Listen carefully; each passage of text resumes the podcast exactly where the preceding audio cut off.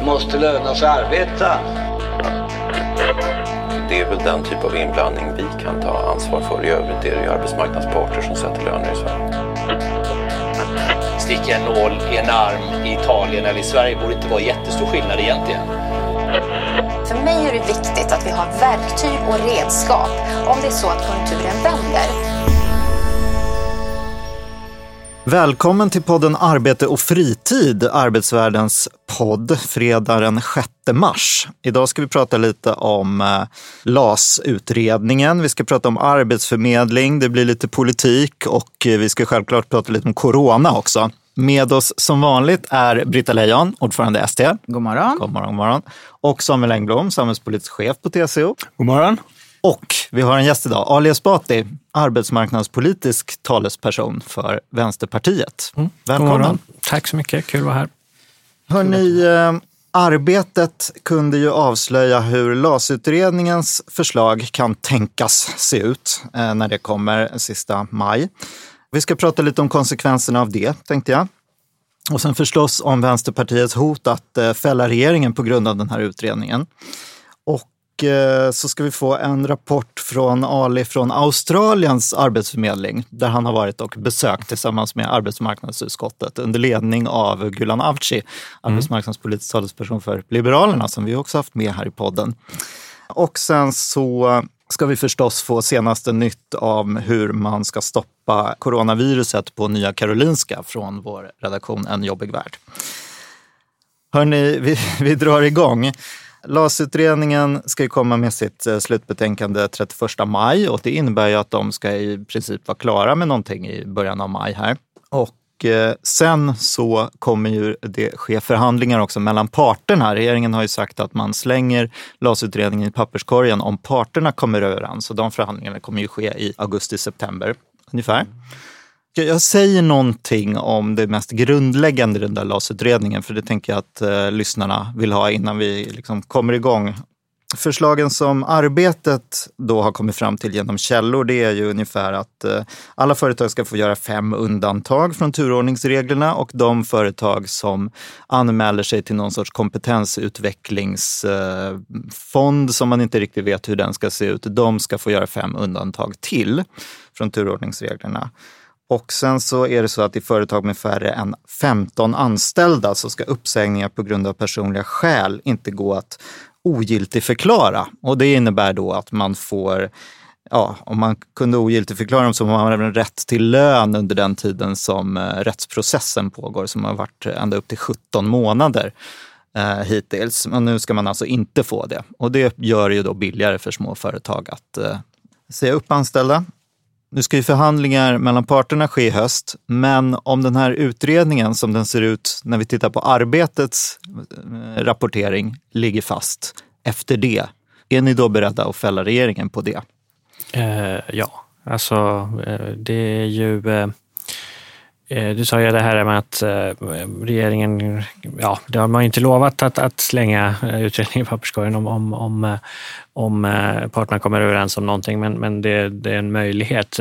Jag tycker det är helt uppenbart att man borde börja med att slänga utredningen i papperskorgen ifall den ser ut ungefär så som, så som de läckorna som har, har varit ser ut. Och, och jag tycker också att det verkar tyvärr inte helt osannolikt att det är så det ser ut eftersom direktiven ser ut som de gör. Alltså direktiven är ju eh, eh, väldigt tydliga på sätt och vis och ganska dåliga, eller ganska rejält dåliga. Där man eh, dels kan eh, se från början att det är någonting som lutar oerhört kraftigt åt eh, ett eh, alltså åt arbetsgivarvänligt håll eller att man urholkar eh, de rättigheter som arbetstagarna ska ha i en skyddslagstiftning som ändå lagen om anställningsskydd eh, ska vara.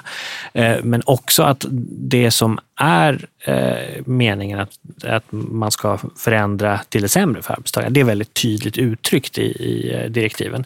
Däremot det som på något magiskt sätt ska kunna uppväga så att det blir balans. Det är inte tydligt uttryckt utan det är väldigt diffust och det är väldigt svårt att se hur man ska komma upp med, med någonting som, som överhuvudtaget kan, kan väga upp eh, de, eh, de försämringar i, i skyddet som, eh, som ligger i, i, i linje med, med direktiven. Om du, om, mm. Hur ser du att ni ska få Moderaternas och Kristdemokraternas stöd för en sån här Nej, men det är inte, alltså dels handlar det om att eh, det här är, eh, är så pass eh, stora försämringar att, att många kloka människor runt om i Sverige, oavsett politisk utgångspunkt, egentligen borde se att det här är, det här är, inte, det här är inte bra. Det, det försvagar svensk arbetsmarknad och det är liksom för stort för att genomföra på det här konstiga sättet sättet eh, efter någon slags nattmangling om ett, om ett eh, konstigt parlamentariskt avtal. Men det ligger väl ganska nära Moderaternas och KDs eh, syn på arbetsmarknadspolitiken? Det är lite oklart om det ligger nära eh, deras syn på arbetsmarknadspolitiken, om de tänker efter eller om det ligger nära utspel som de har gjort. Men jag kan i alla fall säga att för, för vår del så handlar det om att eh, när den här regeringen skulle eh, tillträda så, så konstaterade vi att, att vi, vi hade ett alternativ eh, det, som, som handlade då inte om nyval eller en, en eh, Löfvenregering eh, utan om en Löfvenregering kontra risken för en Kristersson-regering med stöd av SD. Och då sa vi att det är självklart på samma sätt som vi har lovat i valrörelsen så, så landar vi i att, i att acceptera att, att en, en Löfvenregering kunde bildas. Men då sa vi också i samband med det väldigt tydligt, både utåt och rakt på till, till Stefan Löfven och, och, och Socialdemokraterna att här, det finns två saker som vi som som, inte, som är våra röda linjer för att ens göra detta. Eh, och det är marknadshyror och det är, det är LAS. Men Rör ska, inte dem. Vad, ska, vad ser du för scenario om ni nu eh, lyckas fälla regeringen? Vad, vad, ja, ja man kan ju tänka sig flera det kan man göra, men jag vill vara väldigt tydlig och säga att vårt mål är ju inte att fälla någon regering. Vårt mål är att de här förslagen ska dras tillbaka, att det inte ska läggas förslag i, i, i, eh, som ser ut på det sättet. Och det är ju därför som det är viktigt nu att, att liksom alla som, som förstår den här problemställningen mobiliserar så att det blir helt enkelt för svårt för regeringen, för dyrt politiskt att, eh, att gå fram med det. Man konstaterar med sina samarbetspartier, Centern och, och Liberalerna som har varit drivande här, att eh, det här går inte att lägga fram för det, det, blir, eh, det blir för jobbigt och kan också leda till att regeringens hela existens sätts på, på spel. Britta och Samuel, ser ni på de här uppgifterna i arbetet på samma sätt som Ali? Eller hur tänker ni kring till exempel kring balansen. Man ska ju ha kvar enligt direktiven en grundläggande balans mellan arbetsmarknadens mm. parter. Jag tycker kanske inte, till skillnad från Ali, att just direktivens utformning är det stora problemet. För just eftersom det står att det ska vara en balans eh, mellan företagens behov av flexibilitet och arbetstagarnas eh, liksom, behov av saklig grund för uppsägning. Liksom. Eller hur man ska, förutsägbarhet och inte liksom, godtycke. För mig är det stora problemet att, att den där utredningen överhuvudtaget tillsattes. Mm. För i och med att göra det, oavsett hur direktiven ser ut, så slår man i ett enda slag undan fötterna för facken. Därför att man ger ju företagen genom Svenskt Näringsliv trumf på hand i den här situationen. Hur slår man undan fötterna på ja, men Det är facken? precis samma sak som den finska regeringen gjorde med de finska facken för några år sedan. Nämligen att man, i och med att man säger, ja förhandla gärna ni och kommer ni fram till något bättre så tar vi det. Men ni ska veta att oavsett liksom, hur ni lyckas med det där så har vi här en utredning som pågår. Mm. Och det betyder ju, med de direktiven som är, liksom, det betyder ju liksom att arbetsgivarna kan ju lugnt sitta still vid det här förhandlingsbordet. De behöver inte göra så jäkla mycket för de vet att det finns en utredning som kommer leverera det de vill ha ungefär, någorlunda. Oavsett eh, om läckorna talar sant eller inte och oavsett vad slutresultatet blir. Så bara det att det finns en sån utredning förändrar ju förhållandena vid förhandlingsbordet. Eh, och, ja, det var samma sak i Finland där, där man, uppgiften var att minska kostnaderna. Eh, och det är klart att eh, det ledde till minskade kostnader. Och, eh, liksom, det slår undan fötterna inte bara för den här frågan och maktpositionerna försämras för facket i den här frågan, utan det handlar också om ett märkligt sätt från politiken att lägga sig i eh, maktrelationerna på arbetsmarknaden och partsförhållandena på arbetsmarknaden. Ett sätt som jag undrar om det slår undan fötterna på är det här med eh, incitamenten nu för särskilt kanske små företag då, att teckna kollektivavtal när man ändå då blir av med ganska mycket av den lags, semidispositiva lagstiftning som man hittills då har kunnat ha med i de här kollektivavtalen och, och få bort. Samuel, är det något du vill Först vill jag säga att jag, liksom precis som Britta, det här är en utredning som aldrig borde ha tillsatts. Och det är ganska tydligt också att den är inte tillsatt för att lösa existerande problem på arbetsmarknaden. Den är tillsatt för att lösa ett politiskt problem i en förhandling i samband med en regeringsbildning. Och läser man och det är ju, det är ju väldigt mycket en hur-utredning. Den handlar om hur man ska göra vissa då tydligt angivna saker, inte vad man ska göra. Och den, den som då bygger på en, en, en, ganska tunn analys av vad som skulle vara problemet på arbetsmarknaden. Det blir ganska tydligt där att det, det här handlar inte om att eh, skapa en bättre fungerande arbetsmarknad utan det handlar om att lösa ett politiskt problem. Eh, och, och, men det gör den ju inte mindre farlig, snarare tvärtom. Och det är ju klart att jag menar, jag, man ska, jag menar, det här är en pågående utredning och sen vad som skrivs i media och sånt här, jag menar, det, det, vi, vet, vi, vet, vi har direktiven och sen 31 maj vet vi vad man lägger för förslag och det som däremellan tycker jag inte att jag har liksom, kan jag inte uttala mig om. Men tittar man på direktiven så är det klart att, att det är ju på flera punkter där, de då, där det står att man, man ska eh, ha tydligt utvidgade undantag. Arbetsgivarens kostnader ska, eh, för uppsägningar ska sjunka. Eh, och det är klart att det är sånt som då typiskt sett försvagar arbetstagarsidan. Och den försvagar, dels så är det den enskildes rättssäkerhet som så. Det här turordningsreglerna, eh, men även de reglerna som handlar om liksom så processen kring uppsägning, de är, de är väldigt viktiga för rättssäkerheten på arbetsmarknaden. Eh, och eh, risken då, alltså att om man skruvar på fel sätt i de reglerna, är ju dels att rättssäkerheten försämras, men också att vi får liksom en, en juridifiering av relationen på arbetsmarknaden. Där mer saker hamnar i domstol, hamnar i, liksom i processer.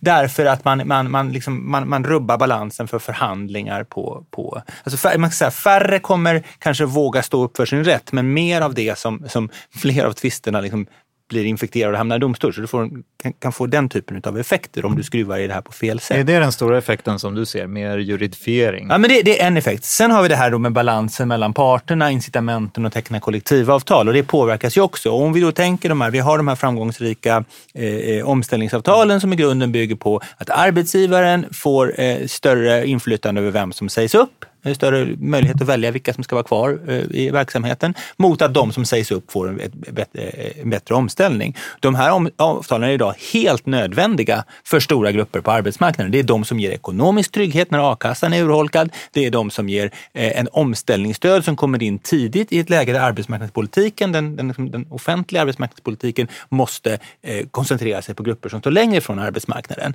Så det här är ju liksom ganska grundläggande saker på arbetsmarknaden som man leker lite med. Eh, och det är, det är givetvis allvarligt och därför som sagt den borde aldrig ha tillsatts.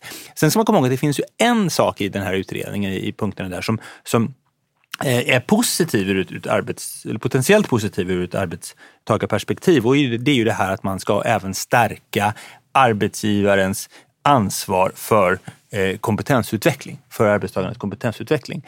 Eh, så den, och där kan man ju hoppas att det ska komma någonting som i viss mån kan balansera upp lite grann. Men samtidigt, det här är, de, de här negativa punkterna är ändå, tittar man, läser man på direktiven så är de så, så långtgående så att det, det är svårt att jag, skapa balansen bara där. Vill du tillägga något Ali? Ja, alltså eh, dels så är det ju så att, att man måste, precis som Samuel var inne på, fundera på vad är det för, är det något riktigt problem som ska lösas? Alltså, om vi nu ska se på verkliga problem eh, på, på svensk arbetsmarknad de senaste decennierna, som att det är att eh, det finns många osäkra anställningar Eh, många människor har, har eh, eh, väldigt svagt skydd egentligen. Så det skulle man, där skulle man behöva egentligen gå in och, och, och försöka eh, skruva om man nu vill skruva i, i någonting. Sen tror jag att det är tyvärr så att, att många kanske inte eh, riktigt förstår vidden eh, av det här därför att man handskas inte med det dagligen. Men i grunden handlar det ju om att eh, LAS är ju inte ett skydd mot att bli uppsagd, utan det är ett skydd, visst skydd mot godtycke. Och det tror jag många inte liksom ännu har, har eh, fått med sig. Att det handlar inte om att säga att eh, alltså det är väldigt stor skillnad med att säga ah, okej okay, nu måste det här företaget som, som du jobbar på, det går dåligt här och du blev uppsagd för att det finns inte tillräckligt många jobb. Kontra att säga så här, nu blir du uppsagd för att chefen gillar inte dig, du dög inte. Det är en enorm skillnad i hur som man som människa på arbetsmarknaden har det i, det, i, den, i den situationen. Och det är det senare som då Lars ska ge visst skydd mot som man ur, urholkar väldigt kraftigt. Och skulle de här lagförslagen bli, eh, bli eh, liksom av så, så handlar det om att väldigt många människor helt förlorar eh, det skyddet. Och sen så försvagar det ju facket som vi var inne på som, som, eh, som eh, kollektiv. Då. Och det är också allvarligt i, eh, i sig. Britta, jag tänkte fråga dig, mm. hur kommer fackens reaktion på det här se ut? Alltså jag, jag tänker, det är ganska tyst nu och det kanske beror på att det är förhandlingar och så här eh, som, som kommer i höst. Jag tänker att i en avtalsrörelse till exempel, där kommer man ju ut med olika utspel om att lönerna måste upp och alla opinionsbildar och så vidare. Det är inte så mycket, man hör inte så mycket opinionsbildning från facket. Borde man inte passa på nu när, eh, när det ändå finns öppningar liksom, i både utredningen och sen inför förhandlingarna i höst? Alltså, när det gäller förhandlingarna så är de några som förs på den privata sidan. Där finns inte jag med. Så att jag, även om jag har information om liksom det så är det ändå lite svårt för mig att uttala mig om det. För det är inte liksom min, mitt ansvarsområde. Men, men det är klart att det påverkar ju eh, det har stor betydelse om de lyckas och hur den lösningen som de i så fall eventuellt skulle komma fram till skulle se ut. Men ja, det är lite tyst eh, och vi borde nog höja våra röster därför att det här är helt, eh, alltså jag tycker inte att prognosen för, för förhandlingsspåret är så ljus just nu. Det kan jag väl ändå säga om man tänker på hur, eh, liksom, eh, vilka konvulsioner som har rått internt inom LO och internt inom PTK och sådär. Eh, och det tycker jag är synd. Jag hoppas att man liksom kan komma någon vart, eh, men med något bra då i så fall. Eh, så. Men just nu känns det inte som att det ligger...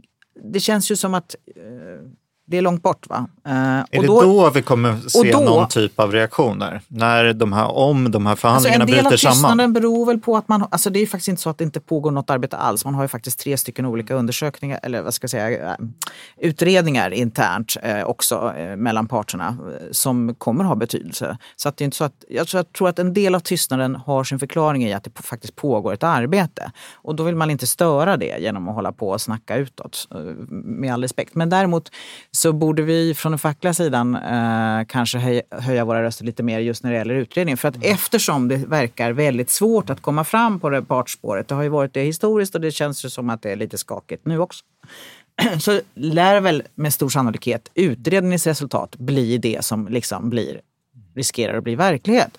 Och då vill jag bara säga det att eh, Vänsterpartiet är beredda att göra det här till en kabinettsfråga. Men jag, din fråga var ju högst relevant. Jag, har ju, jag tror ju inte att eh, KD och Moderaterna är beredda att stödja det. Eh, därför att eh, hur intresserade de än är av att fälla den nuvarande regeringen så är de ju väldigt intresserade av att öka företagarnas flexibilitet och minska deras kostnader och förändra maktförhållandena på arbetsmarknaden. Det tror jag är viktigare för dem än att just nu fälla regeringen. För med ett, om regeringen skulle gå fram med ett förslag som är så pass dåligt som det arbetet redovisar, då förstår jag inte hur Socialdemokraterna ska överleva nästa val. Och det tror jag att M och KD också vet. Och därför så vilar de helt enkelt fram till nästa val och eh, ser till att då kommer de istället. Då har de fått både förändrad, försämrad maktbalans för facken på arbetsmarknaden och efter nästa val kommer de i regeringsställning. Precis, så, det kan bli lite chicken race mellan S och V här. Ja, alltså, hur det ska se ut eh, framöver. Vem som hoppar av. Nej, men, eh, så att jag menar, jag tror, jag tror att det blir ett slag i luft. Alltså, jag tycker inte att ni ska fort, sluta vara kritiska, men jag, jag tror att eh, ni, ja, det är ett otroligt allvarligt läge. Så kan man säga. För att blir det här verklighet som du berättade här nyss, så betyder ju det att vi har ingen rättssäkerhet kvar på arbetsmarknaden för den enskilde. Det blir inte saklighet som råder. Och det blir just de, ja, vi får se. Men eh, det är, det är ingenting som känns särskilt positivt. Det kan jag... ja, nej, jag tänkte, I din tidigare fråga så lät det nästan som att vi, vi sitter passiva nu och så är det ju absolut inte. Vi finns ju med i, i den, som vanligt då, i referensgruppen till utredningen och vi går ju igenom varenda text de har. Vi har liksom ett, ett stort gäng jurister som sitter och, och förhandlingschefer som nagelfar varje mening mening i de liksom, utkast vi får från utredningen. Och som vi återkommer kommer in då, både med muntligt och skriftligt med synpunkter på de här. Eh, eh, för, och mycket handlar om att belysa konsekvenserna. Aha, om ni väljer den här vägen, då får du de här konsekvenserna. Väljer ni den här vägen får du de här konsekvenserna. Så det är klart att vi försöker se till att det som utredningen kommer med utifrån direktiven är så bra som möjligt ur vårt perspektiv. Sen så är jag ganska övertygad att det kommer, givet direktiven, så kommer det ju inte vara så att det här är en utredning vars förslag vi tillstyrker. Utan det kommer ju vara så att vi kommer ju då eh, sannolikt vara eh, väldigt eh, mot mycket av det som utredningen lägger fram. Liksom. Även om alltså det, det är liksom, vi, vi, jobbar ju, vi, vi måste jobba på flera spår här samtidigt. Eh, och vi för ju också givetvis dialog med de med politiska partier som står bakom den uppgörelse som ligger till grund för de här utredningsdirektiven redan nu. Va? För de får ju också liksom, information om vad som händer där. Så det, men det pågår ju allt det här arbetet under radarn som inte syns pågår ju. Och det pågår väldigt intensivt. Det här är en fråga som vi har uppe i TCO-styrelsen varje möte. Vi har uppe det med förhandlingscheferna varje möte. Vi har särskilda grupper som vi normalt inte har i sådana här lägen för att jobba med frågan. Så det är någonting som vi ser allvarligt på och som vi jobbar väldigt hårt med. Ali, ta någon avslutning om vad som händer här när de här förhandlingarna är klara och eh, ni, ska, ni ska försöka fälla regeringen. Nej, Eller ni ska försöka stoppa vi, det här. Vi, ja, precis. Det är ju det senare. Alltså, vi, vi kommer ju inte, vårt arbete går inte ut på att fälla regeringen. Det vi säger är bara att om, om regeringen är så dålig eh, att man eh, ändå väljer att gå fram med ett sånt här förslag, då bortfaller vårt, eh, vårt stöd för hela regeringsprojektet. Och så får vi väl se vad det Eh, Eh, leder till. Jag, jag tror inte att en, en, eh, regering med det här parlamentariska läget kan överleva det. Men eh, jag vill också eh, liksom säga att folk diskuterar liksom, vad ska hända då? Ja, alltså eh, det är ju inte så att vi därmed då kan, skulle stödja en annan regering i nuvarande parlamentarisk situation. Så det, där kan man ju räkna med att vi kommer aldrig att rösta för eh, eller acceptera en, en Kristersson-regering. Så det är klart och, och tydligt. Då återstår då i så fall om, om man får en regering regeringskris. Och att Socialdemokraterna skulle bestämma sig för att eh, gå till, gå till extraval i, i syfte att eh, försvara nedskärningar i LAS. Så det, det lycka till säger jag då.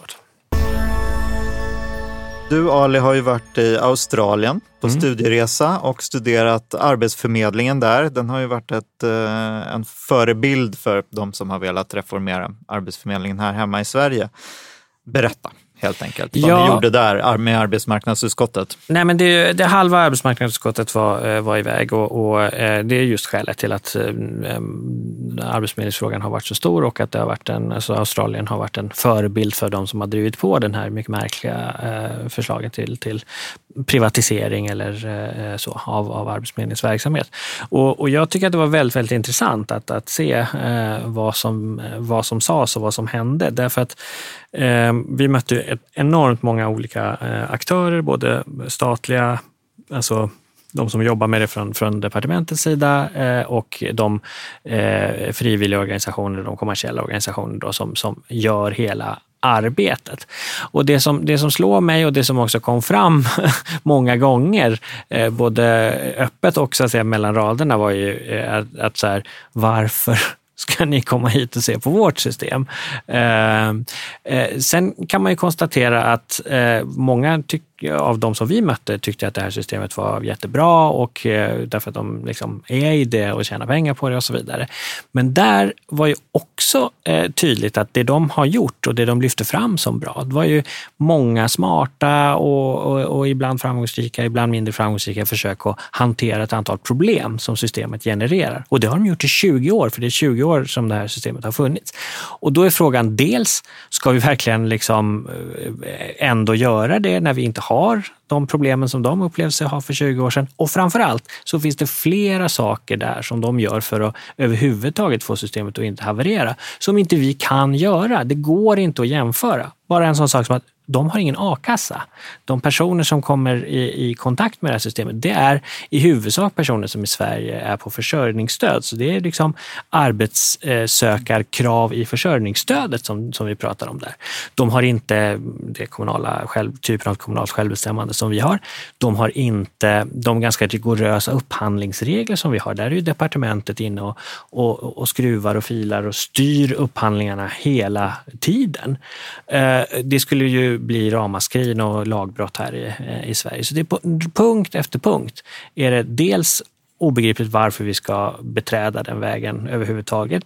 Dels är det så att de liksom eh, hängslen och rivdämmar som de har eh, för att hantera problemen som systemet skapar skulle vi inte kunna ha i Sverige med mindre att vi också ändrar en mängd andra eh, system i vårt land. Så, så var, det det som var, det, var det det som var den värsta grejen som du påträffade? Att du upplevde att de har så många problem som vi inte har idag. Varför skaffa oss dem och sen försöka börja hantera dem? Ja, det kan man väl, det kan man väl säga att, att det var. Så att även om vi mötte många liksom kloka, smarta människor som gör, verkligen gör sitt bästa för att få det att funka där, så är, är det jättekonstigt att, att tänka sig att vi skulle vilja med öppna ögon gå in i, i, i det eh, systemet. De, vad var tror Martin Ådahl med som... på resan undrar jag? Nej, han var faktiskt inte det, men det var däremot eh, den andra och, och Alireza Akhondi som eh, som också är mm. centerpartister. Mm. Vad tror du, det kanske är en dum fråga, men vad Jag tror, inte de uppfattade det de, exakt nej, likadant. De som är för den här mm. omgörningen, vad tror du de tar med, vad kommer de prata om när de kommer hem från den här resan? Ja, jag tror de kommer prata om en mängd detaljer eh, om hur de har skruvat i systemen i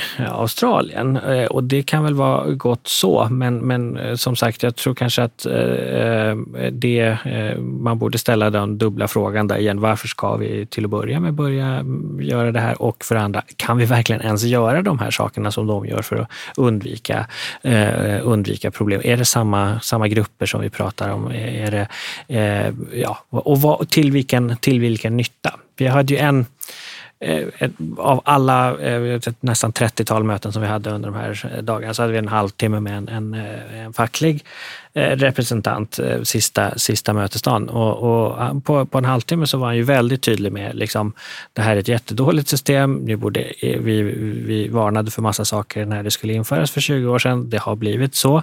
Och det är ett, ett paternalistiskt system. Det skadar många av de som har den svagaste positionen.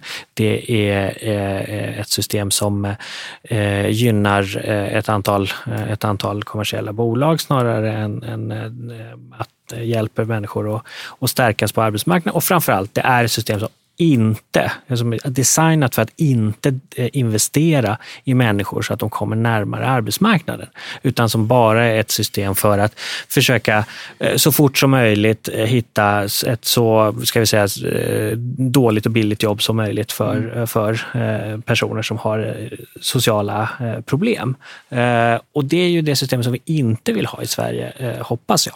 Britta, vad är din bild? Jag oh. misstänker att du har studerat det här en hel del jo, också. en gång i tiden så fanns jag också som ledamot i arbetsmarknadsutskottet och då åkte vi också till Australien. Det var 2004 om jag inte minns fel, ungefär. Men det var liksom, jag blev betryckt när jag hör dig beskriva det. Att, att de fackliga, det de varnade för då och, har också blivit mm. resultatet. Mm. Uh, nej, och sen så känner jag ju så här, alltså våran arbetsförmedling, våran, och inte bara arbetsförmedlingen utan hela vår aktiva arbetsmarknadspolitik, utbildningspolitik.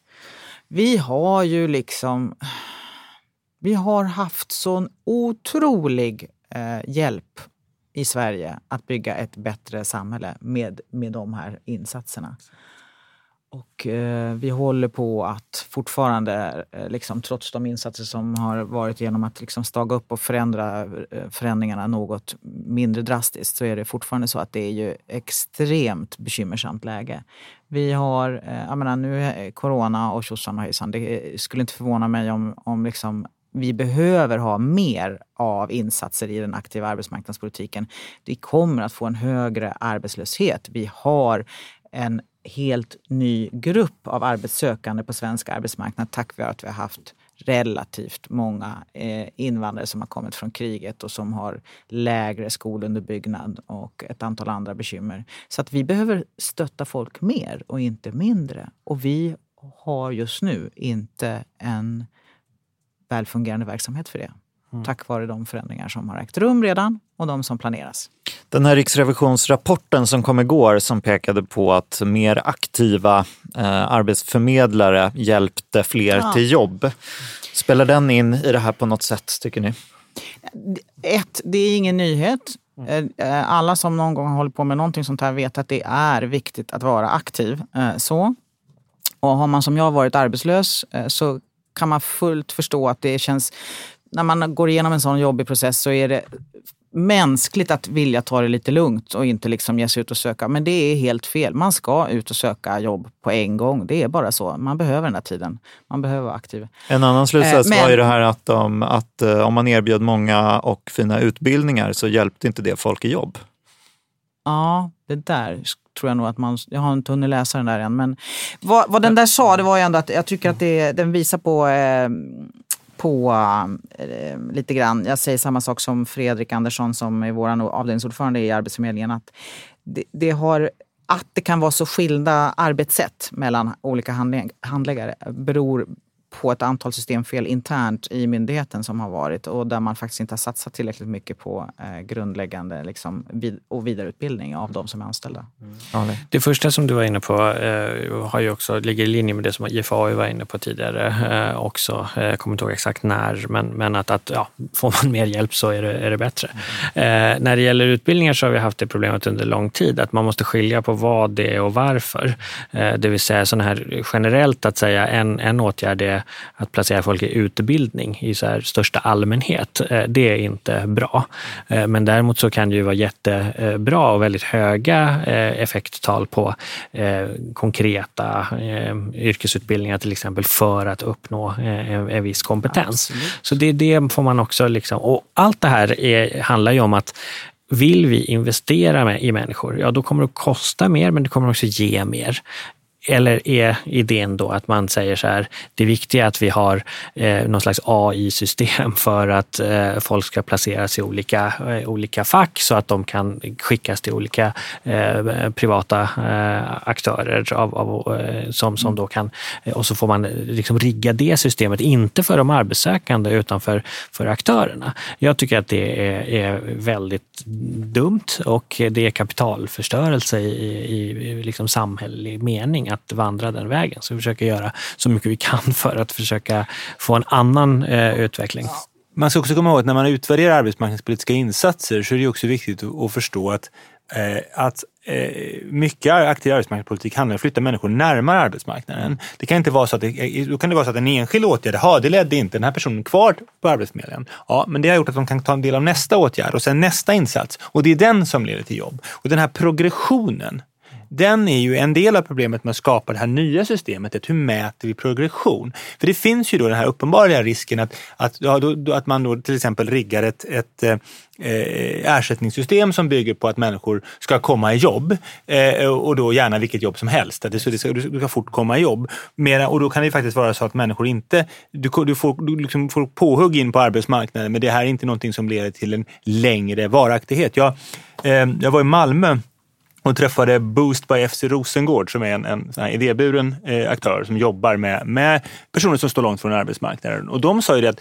när deras utgångspunkt är att människor ska etablera sig på arbetsmarknaden.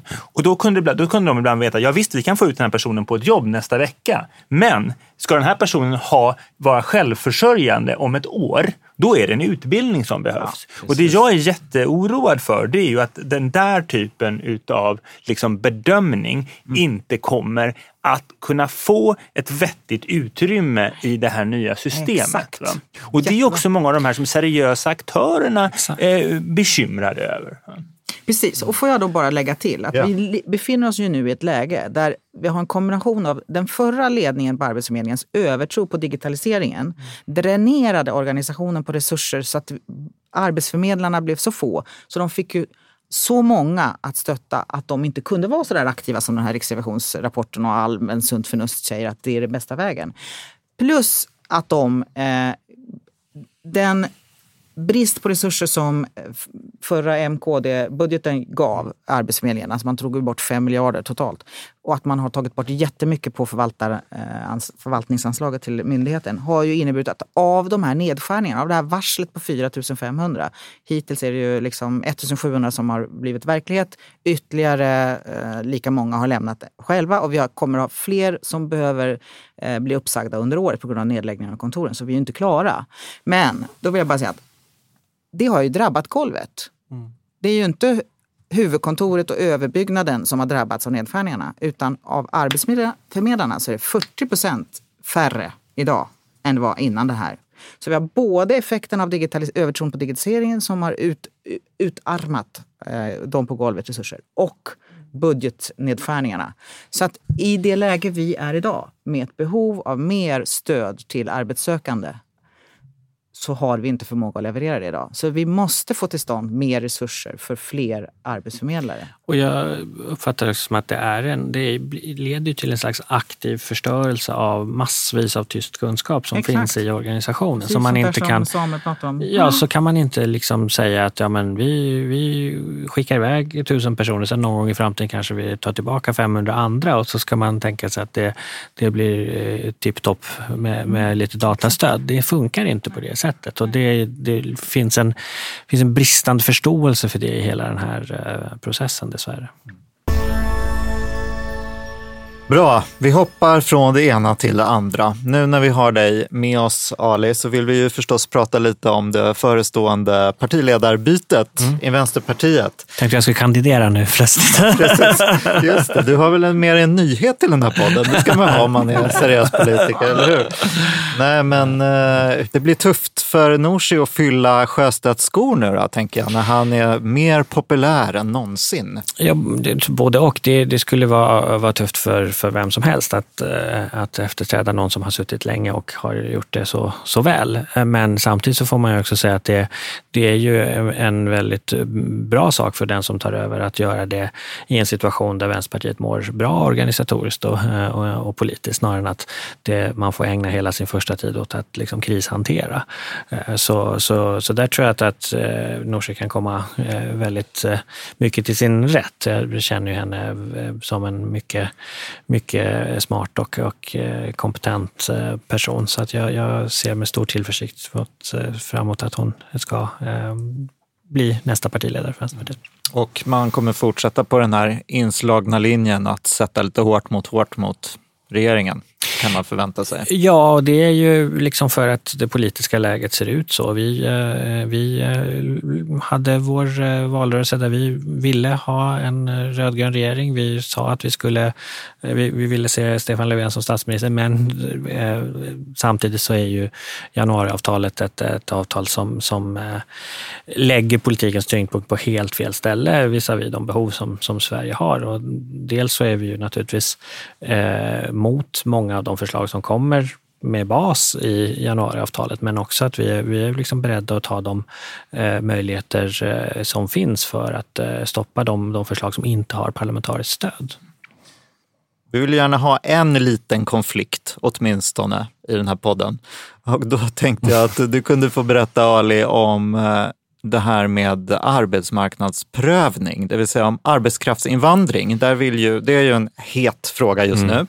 Och eh, Vänsterpartiet har ju sagt att man vill ha tillbaka den här gamla arbetsmarknadsprövningen där Arbetsförmedlingen eller någon annan myndighet ska testa då vilka branscher där det finns behov av arbetskraft och så ska man då stänga dem för arbetskraftsinvandring.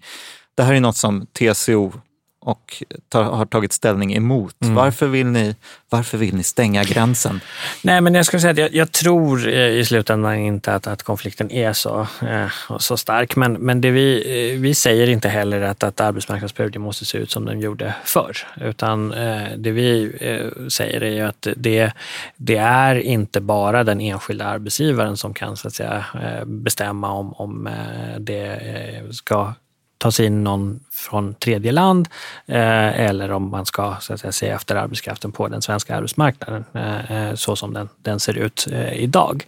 Och då eh, kan vi tänka oss exempelvis att de, de listor som ändå görs eh, eh på Arbetsförmedlingen med, med eh, inblandning av andra aktörer skulle kunna vara så att säga, vägledande för eh, vad, man, vad man letar efter för, eh, för eh, arbetskraft här och vad man kan konstatera är svårt eh, att, att hitta. Och då skulle man kunna utveckla dem mycket mer än vad de är idag så att de också blir känsliga för, alltså, eh, mer finfördelat och även kanske geografiskt då, att det kan vara så att det saknas viss typ av, av eh, arbete eh, i södra Sverige. Men, men, eller det finns personer som skulle kunna ta ett jobb direkt som, som kock i någon, på någon restaurang i södra Sverige, men inte självklart att man kan göra det jättehögt upp i norr. Och det är inte liksom realistiskt att tänka sig att direkt att folk skulle liksom flytta sig, även om svensk arbetsmarknadspolitik bygger på att man ska kunna flytta på folk i, i, över landet också. Mm. Samuel, vad, men, men det viktiga för oss, mm. säga att det, det viktiga för oss är att lösa en del av de problem som varit uppenbara, som vi varnade för när systemet genomfördes 2008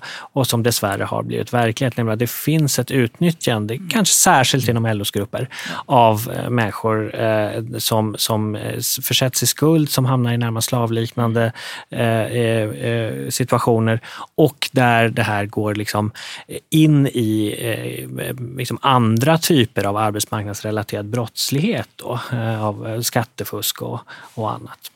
Och där tror jag nog att vi är ganska överens. Mm. Ja, Samuel, vad, är inte det här ett vettigt sätt att Eh, hantera, alltså struntar TCO i de här LO-yrkena som det kanske handlar om i första hand?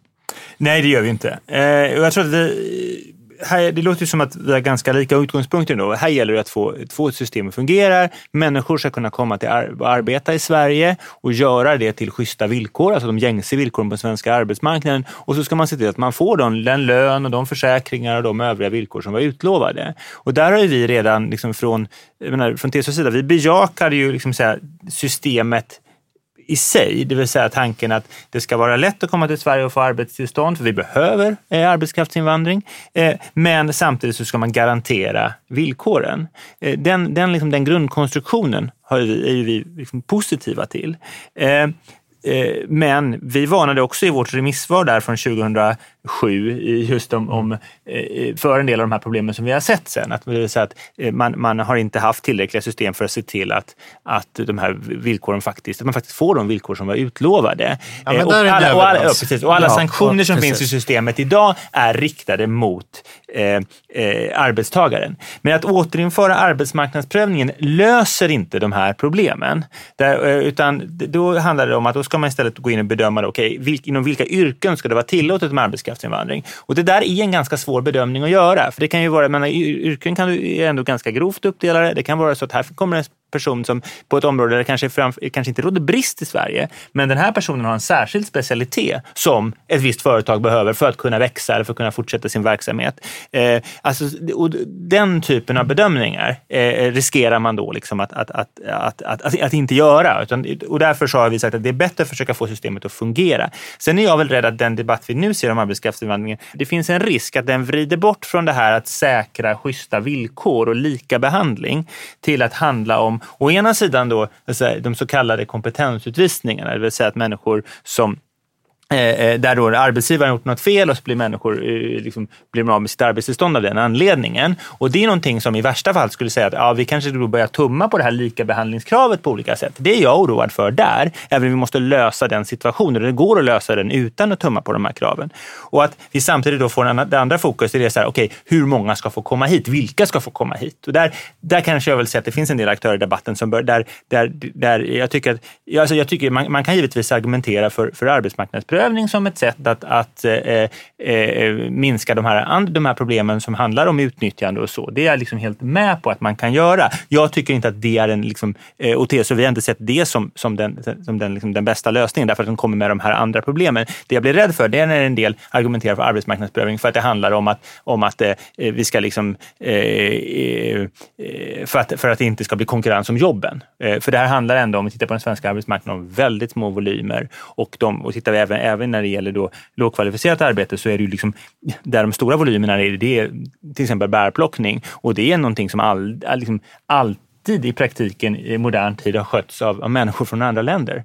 Eh, och det finns massa skäl till det. En är att vi kanske inte betalar tillräckligt mycket, vi är inte villiga betala tillräckligt mycket för bären för att det där ska gå runt. Men det finns, det finns annan typ av problem som man då inte löser. Med Ali, du får sista ordet. Här, ja, nej men alltså, jag ska säga så här att vår utgångspunkt har ju hela tiden varit att vi ser risk för, för utnyttjande och det är risken för utnyttjande. Jag håller med om att det verkligen inte är så att eh, en arbetsmarknadsprövning skulle lösa alla problem, utan det här är ett komplex, eh, eh, komplex materia med många olika typer av, av åtgärder som, som behövs. Men, eh, men, men, vi tror att det vore eh, en, en bra, ett bra komplement eller en bra del av, av en förändring av systemet. Det är vi ju nu inte någonting som vi har kunnat eh, få igenom, utan det som vi fick igenom tilläggsdirektiv, då, i det här fallet tillsammans med M och KD, det är ju bland annat att man ska, det är någonting som vi har brunnit för väldigt mycket, nämligen att man, de villkor som utlovas måste också eh, gälla i, i, verkligheten. Och där var vi ju, det var ju nästan mm. ordagrant från det som också TCO har, har, har drivit. Så det hoppas vi att vi kan få en, en,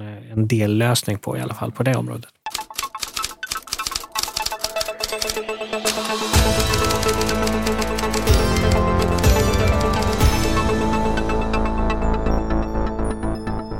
Nya Karolinska kallar in extra managementkonsulter för att bekämpa virusutbrottet. Enligt finansregionrådet Irene Svenonius finns det ingen anledning till oro för att coronaviruset ska påverka verksamheten på NKS.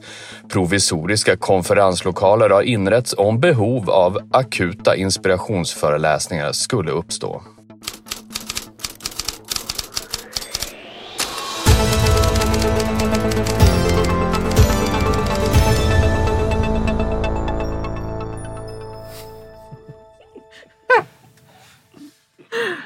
Briljant. Oh, jag blir så eh, lycklig när jag hör det där. För att det där är en sån jättebra illustration till, till en fantastiskt viktig och inspirerande bok som jag precis har läst från Statskontoret som kommer ut idag. Eh, de har ett seminarium som handlar om effekterna av New Public Management på offentlig sektor i Sverige. Och där liksom, det, det här var en strålande eh, bild och beskrivning av det som ja, det kan sägas vara en sammanfattning av hela den där antologin. Jag skulle vilja eh, varmt rekommendera den eh, till alla som är intresserade av hur vi kan få eh, välfärden i Sverige och det offentliga att fungera bättre framöver. Nej men alltså man ska, det, är klart, det, det finns, det här är uppenbarligen liksom ett, ett, ett eh, allvarligt läge rent hälsomässigt i en del länder och vi vet inte riktigt vart det här kommer ta vägen än. Eh, så. Samtidigt så är det ju då någonting som visar eh, lite det som Britta var inne på, den här vi, alltså vikten av grundläggande samhällsfunktioner måste fungera även i ett sånt här läge. Och det kan ibland kräva att du, in, du kan inte skruva ner de här grundläggande samhällsfunktionerna till ett minimum eh, utan någon extra kapacitet eller något sånt där. Utan du, du måste faktiskt kunna hantera även en regnig dag. Och det är väl det, alltså jag hoppas ju inte att den svenska sjukvården kommer att utsättas för den prövningen, att vi kommer drabbas av liksom någon pandemi. Men, men, men, men vi måste vara liksom beredda för det. Och det, det, är ingenting som du kan, den beredskapen kan du inte skapa på kort varsel, utan den, den måste, grunden för den måste finnas. Så det, det är väl en sak som är, är, är ganska intressant i det som, som händer nu och viktigt att, att tänka på. Det andra är att det här gör ju också, på eh, ändrade beteenden och det är lite grann beroende på individer hur man uppfattar en sån här situation, hur mycket man ändrar sitt beteende. Men det var en ganska intressant sak på radion igår som handlade om att eh, eh då vissa, eh, ja, det var då, återigen konsulter, men det var som, som då ställer in sina möten och vi kör dem på, eh, vi gör telemöten och sånt istället. Istället för att du ska flyga, alltså, jag tror beskrivningen var att istället för att det står massa, massa eh, konsulter på, Arla, på Bromma klockan sex på morgonen så, så kan de köra de här mötena eh, teleläget.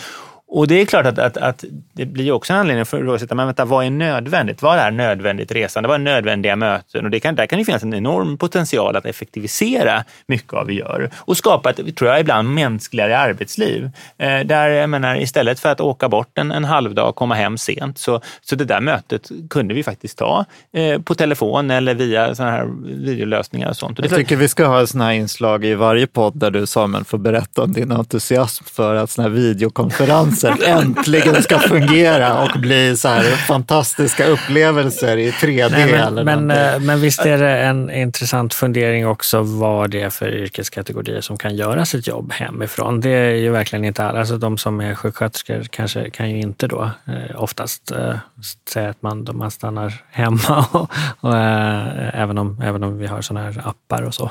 Eh, som, det är mer ett, ett, ett problem än en lösning.